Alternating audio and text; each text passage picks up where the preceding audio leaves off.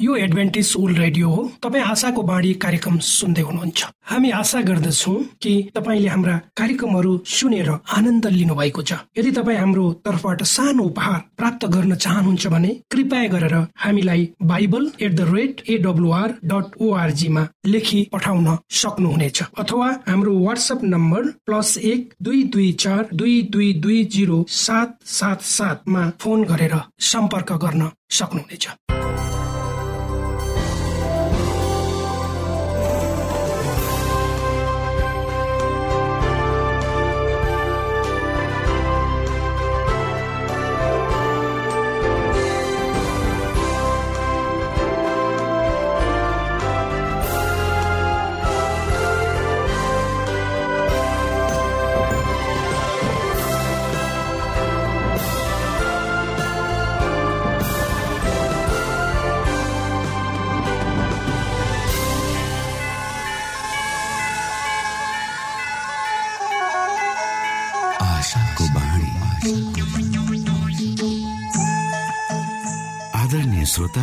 नमस्कार। यो समय तपाईँ एडभेन्टिस्ट ओल्ड रेडियोको प्रस्तुति भोइस अफ होप आशाको बाणी कार्यक्रम सुन्दै हुनुहुन्छ।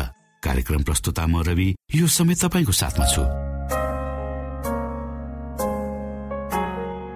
हामी यहाँलाई हाम्रो कार्यक्रममा सहभागी हुनका लागि अनुरोध गर्दछौ।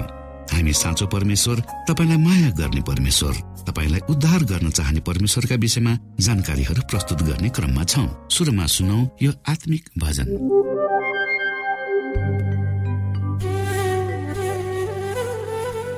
Hmm.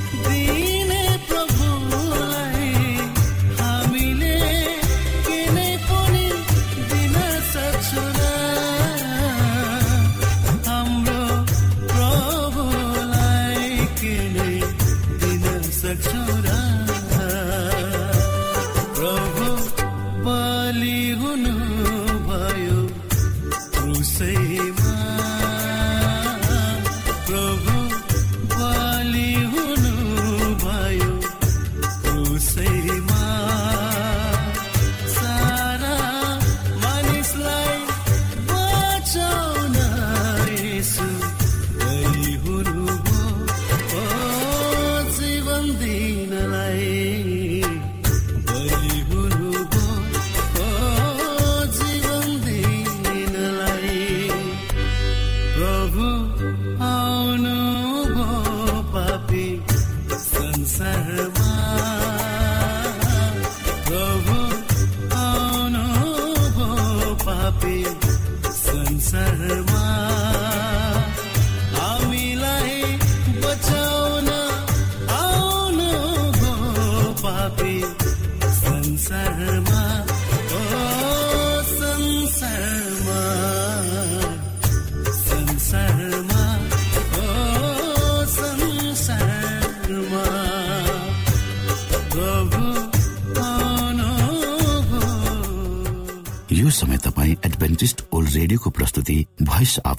आशाको बाणी कार्यक्रम सुन्दै हुनुहुन्छ।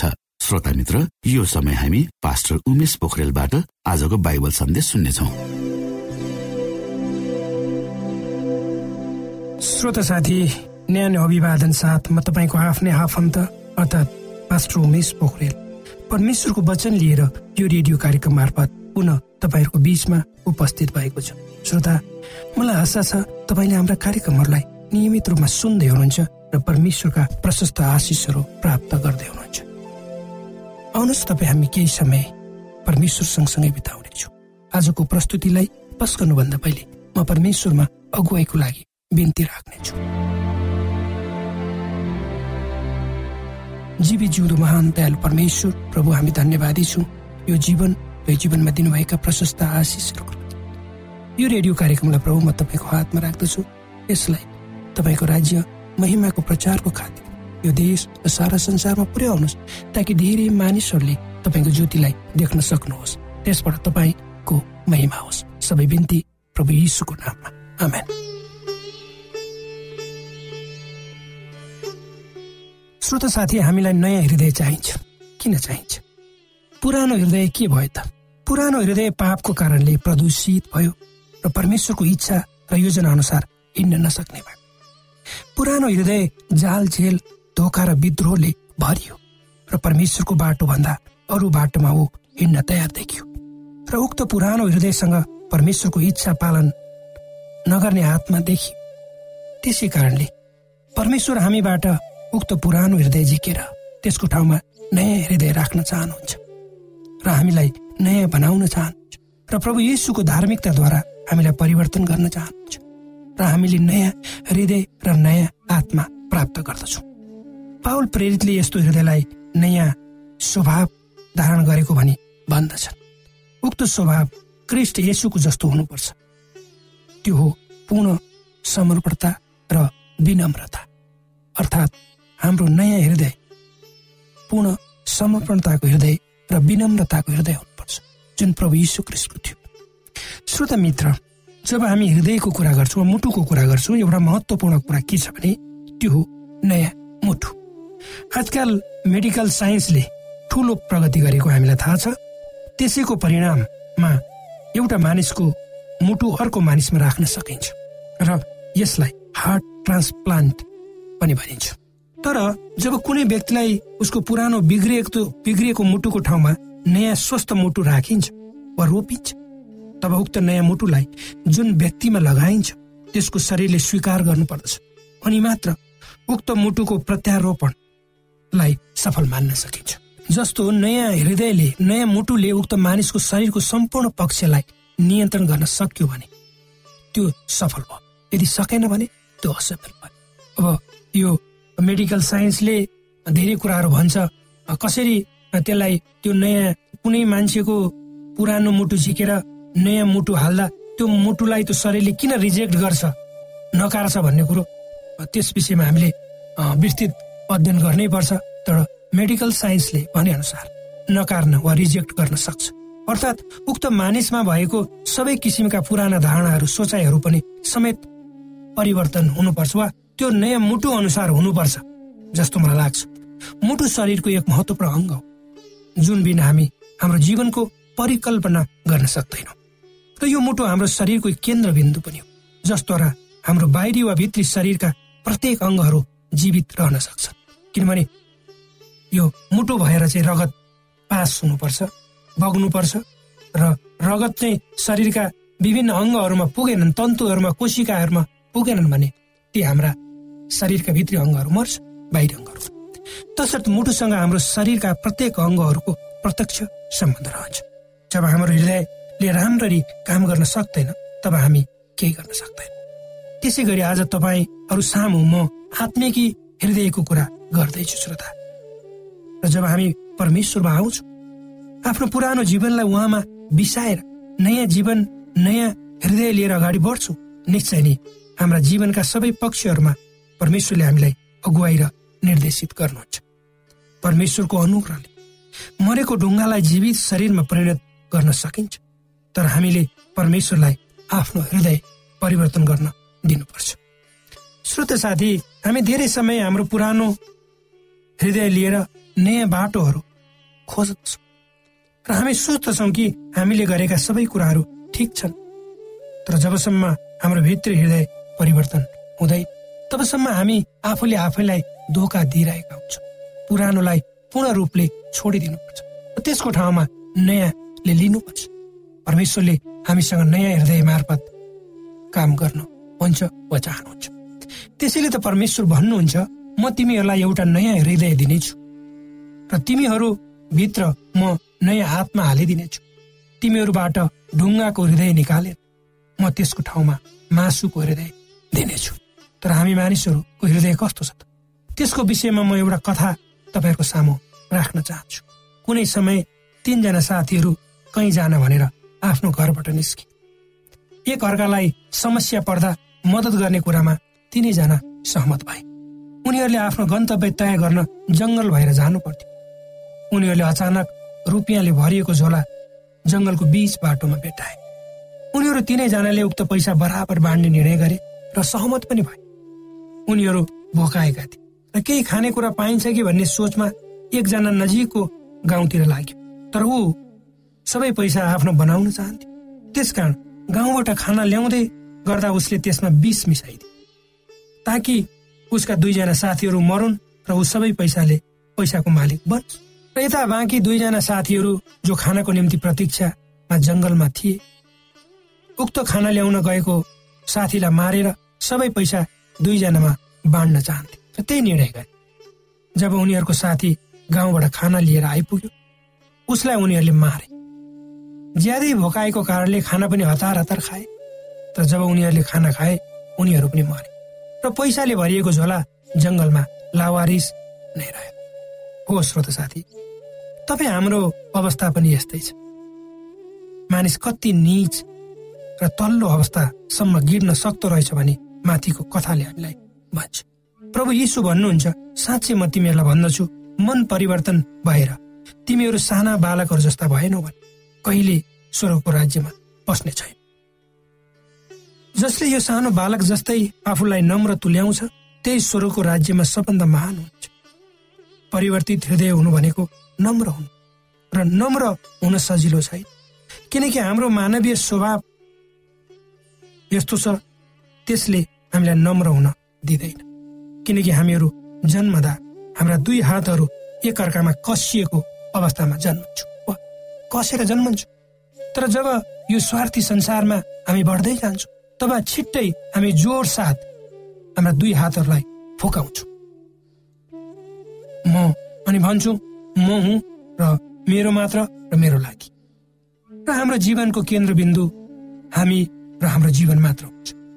आफ्नो जीवन यात्राको क्रममा हामीसँग आउने वा हामीले देख्ने सबै उच्च तहका पदको लागि वा चिजको लागि हामी योग्य छौँ भन्ने हामीलाई लाग्छ र हामी त्यसको चाहना गर्छौँ।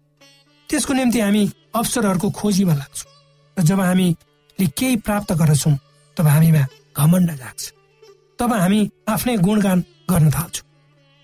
यदि तपाईँ हामी परमेश्वरको राज्यको हकदार हुन चाहन्छौँ भने हामी साना नानीहरू जस्तै निर्बोध वा छल छाप रहित हुन्।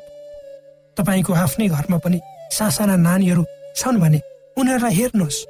उनीहरू कति शुद्ध र निश्चल छन्। उनीहरूबाट सिक्नुहोस्। हामी पनि त्यस्तै हुनुपर्छ।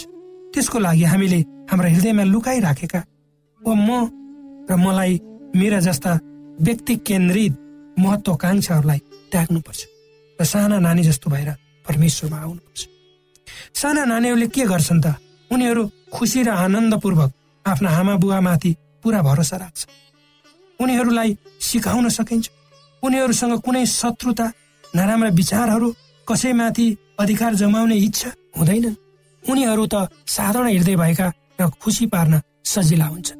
उनीहरूले सबैलाई असल देख्दछ र विश्वास पनि गर्दछ। जब यी साना नानीहरू बढ्दै जान्छन् उनीहरूको चरित्र पनि राम्रो होस् भने वा त्यसै अनुसार बढोस् भनेर परमेश्वर चाहनुहुन्छ। र हामीले त्यसमा हाम्रा नानीहरूलाई तालिम दिनुपर्छ सिकाउनुपर्छ। र हाम्रा नानीहरूले हाम्रो जीवनलाई हेरेर उनीहरूको भविष्यलाई निर्धारण गर्दछन्। यो कहिले पनि नपुग्छ श्रोता साथी मेरो सानो छोरा रोजर ऊ निश्चल निष्कपट छ। उसले सबैलाई माया गर्छ सबैलाई विश्वास पनि गर्छ। यदि कोही नयाँ मानिस पहिलो पटक हाम्रो घरमा आयो भने रोजरले उसलाई गम्भीर भएर हेर्छ। केही समयपछि उक्त नयाँ मानिसले रोजरतर्फ हेरी मुस्कुरायो भने रोजर तुरन्तै मुस्कुराउँछ र उसँग हात मिलाउन जान्छ। र छिट्टै उसको साथी बन्छ। रोजरले आफ्ना खेलाउनाहरू उसलाई दिन्छ किताबहरू देखाउँछ। अर्थात् उसले उक्त नयाँ मानिसलाई तुरन्तै विश्वास गर्छ र उसलाई खुसी पार्न पनि सजिलो छ। त्यस्तै हाम्रो पनि मन हुन्छ तर तपाईँ हामी एउटा सानो नानी चाहिँ परमेश्वरमा पूर्ण रूपले भर पर्दछौँ तब हाम्रो हृदय परिवर्तित हुन्छ। तब हामी सासाना नानीहरू जस्तै हुन्छौँ र हामी आफूलाई सबैभन्दा साधारण र तल्लो अवस्थामा हेर्छौँ। हाम्रो सेवाको भावनाले आफूलाई तल्लो अवस्थामा राख्छ। वा हामी अरूभन्दा आफूलाई साधारण र तल्लो स्तरमा राख्न सहमत हुन्छ। बडो कठिन कुरा हो गाह्रो कुरा हो। आफूलाई नम्र तुल्याउनु आफूलाई सबभन्दा तल्लो अवस्थामा राख्नु किन यो मानवीय स्वभावले गाह्रो? किन मान्छेहरू तपाईँ हामी स्वभावैले हामी ठुलो हुन चाहन्छौँ? हामीलाई कसैले मान दियोस् हामीलाई सम्मान गरिदियोस् भनेर हामी चाहन्छौँ। तर परमेश्वरको नजरमा यदि परमेश्वरको सेवा गर्न चाहन्छौँ भने हामीले हामी तल्लो स्तरमा हुनुपर्छ।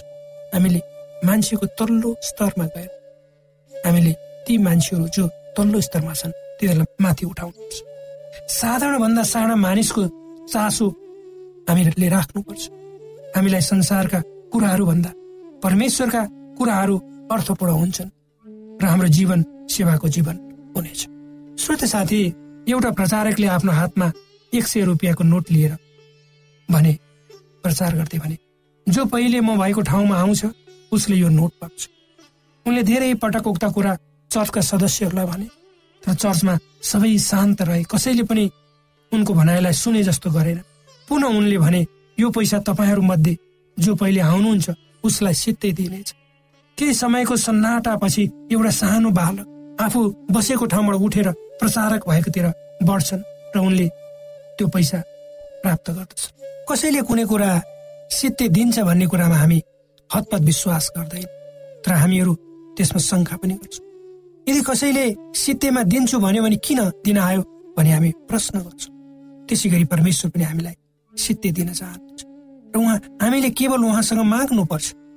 यदि हामीले केही कुरा उहाँको इच्छा अनुसार गर्यौँ भने उहाँले अवश्य दिनुहुन्छ। हाम्रो जीवनको लागि आवश्यक सबभन्दा ठुलो उपहार परमेश्वरबाट मात्र पाइन्छ। र उक्त उपहार जब हामी एउटा बच्चा जस्तो भएर परमेश्वरमा जान्छौँ तब मात्र प्राप्त गर्दछौँ। यो वचनले तपाईँलाई आशिष दियोस्।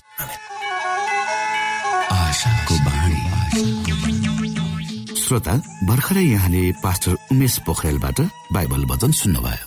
यो समय तपाईँ एडभेन्टिस्ट ओल्ड रेडियोको प्रस्तुति भोइस अफ होप आशाको बाणी कार्यक्रम सुन्दै हुनुहुन्छ। कार्यक्रम सुनेर बस्नुहुने सबै श्रोतालाई हामी हाम्रो कार्यक्रममा स्वागत गर्न चाहन्छौ। श्रोता मित्र यदि तपाईँ जीवनदेखि हरेस खानु भएको छ तपाईँका जीवनमा धेरै अनुत्तरित प्रश्नहरू छन् भने आउनुहोस् हामी तपाईँलाई परमेश्वरको ज्योतिमा डोहोऱ्याउन चाहन्छौ। र तपाईँ आफ्नो जीवनका चिन्ता फिक्रीबाट निश्चिन्त हुनुहोस् र बाँच्नुको आनन्द परमेश्वरको सामिप्यमा कति मिठो हुन्छ त्यो चाख्नुहोस् भनी हामी चाहन्छौँ। श्रोता यदि तपाईँ आशाको बाणी कार्यक्रमलाई अनलाइन सुन्न चाहनुहुन्छ वा डाउनलोड गर्न चाहनुहुन्छ भने डब्लु डट एडब्लुआर डट ओआरजीमा जानुहोस्। त्यहाँ तपाईँले प्रत्येक दिनको कार्यक्रम सुन्न र डाउनलोड गर्न सक्नुहुनेछ। हाम्रो वेब पेज यस प्रकार छ W dot AWR dot ORG श्रोता यदि तपाईँ हामीसित सिधै फोनमा सम्पर्क गर्न चाहनुहुन्छ भने हाम्रा नम्बरहरू यस प्रकार छन्। अन्ठानब्बे एकसाठी पचपन्न शून्य एक सय बिस अन्ठानब्बे एकसाठी पचपन्न शून्य एक सय बिस र अर्को अन्ठानब्बे अठार त्रिपन्न पन्चानब्बे पचपन्न. अन्ठानब्बे अठार त्रिपन्न पन्चानब्बे पचपन्न।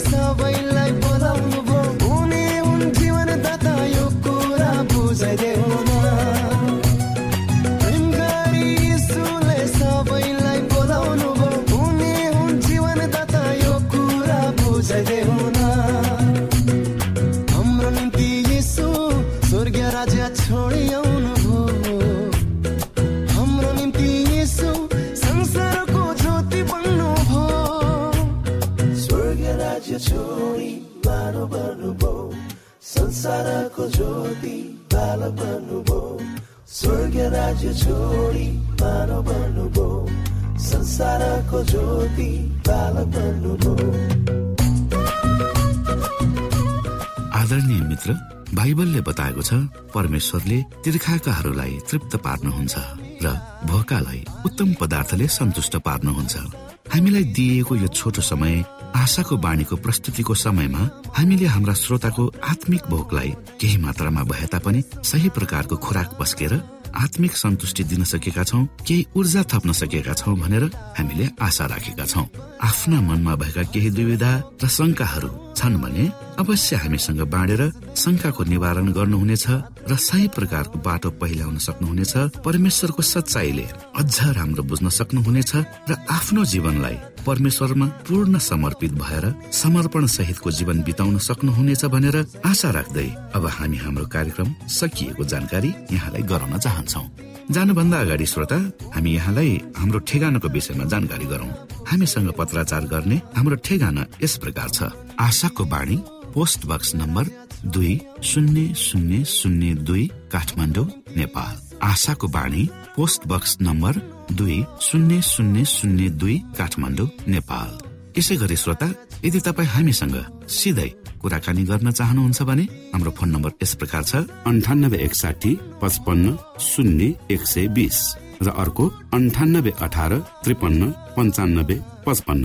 यदि तपाईँ हामीलाई अनलाइन सुन्न चाहनुहुन्छ वा डाउनलोड गर्न चाहनुहुन्छ भने तपाईँ डब्लु डट एडब्लुआर डट ओआरजीमा जानुहोस् र त्यहाँ तपाईँले हाम्रा सबै कार्यक्रमहरू सुन्न सक्नुहुनेछ। हाम्रो वेब पेज यस प्रकार छ W W W dot AWR dot ORG श्रोता यसमा गएर तपाईँले हाम्रा दैनिक कार्यक्रमलाई सुन्न सक्नुहुनेछ र डाउनलोड पनि गर्न सक्नुहुनेछ। हवस् त श्रोता हाम्रो कार्यक्रम सुनिदिनु भएकोमा एकचोटि फेरि यहाँलाई धन्यवाद दिँदै भोलि फेरि यही स्टेशन यही समयमा यहाँसँग भेट्ने आशा राख्दै प्राविधिक साथी राजेश पास्टर उमेश पोखरेल र कार्यक्रम प्रस्तुता म रवि यहाँसँग विदा माग्दछौ। परमेश्वरले तपाईँलाई धेरै धेरै आशिष दिनुभएको होस्। नमस्कार।